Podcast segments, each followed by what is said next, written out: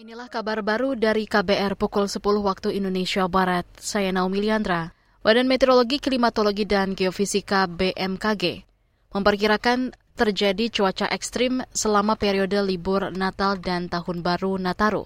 Kepala BMKG Dwi Korita Karnawati mengatakan cuaca ekstrim itu dipicu anomali dinamika atmosfer yang terjadi secara bersamaan, sehingga memicu peningkatan curah hujan lebih lebat hingga ekstrim. Adanya potensi cuaca ekstrim pada saat mudik Nataru dan sampai arus balik. Padahal dari hasil survei Kementerian Perhubungan diprediksi akan terjadi kurang lebih 40 juta orang mobile bergerak selama uh, periode uh, Natal dan Tahun Baru tersebut.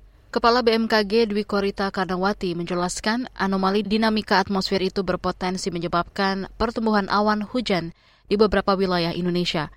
Selain itu juga berpotensi menyebabkan tingginya kecepatan angin permukaan dan gelombang tinggi. Dwi Korita menghimbau masyarakat meningkatkan kewaspadaan sebagai upaya adaptasi dan mitigasi kondisi tersebut. Menteri Ketenagakerjaan Menakar Ida Fauzia menilai masih ada kesalahpemahaman mengenai upah minimum antara perusahaan dan buruh.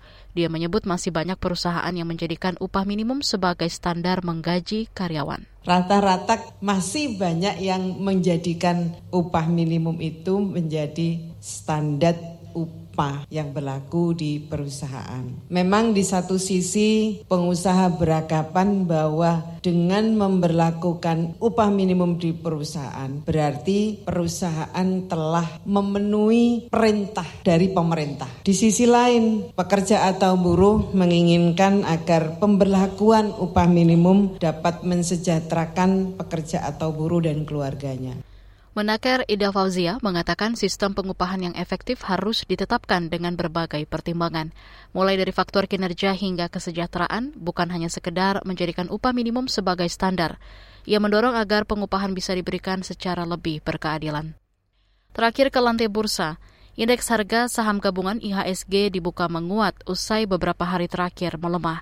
Indeks dibuka ke level 6.768. IHSG melanjutkan pergerakan di zona hijau beberapa saat setelah perdagangan dibuka dan mencapai level tertinggi 6.813 pada pukul 9 lebih 5. Sebanyak 1,2 miliar saham diperdagangkan di menit-menit awal dengan nilai transaksi mencapai 630 miliar rupiah.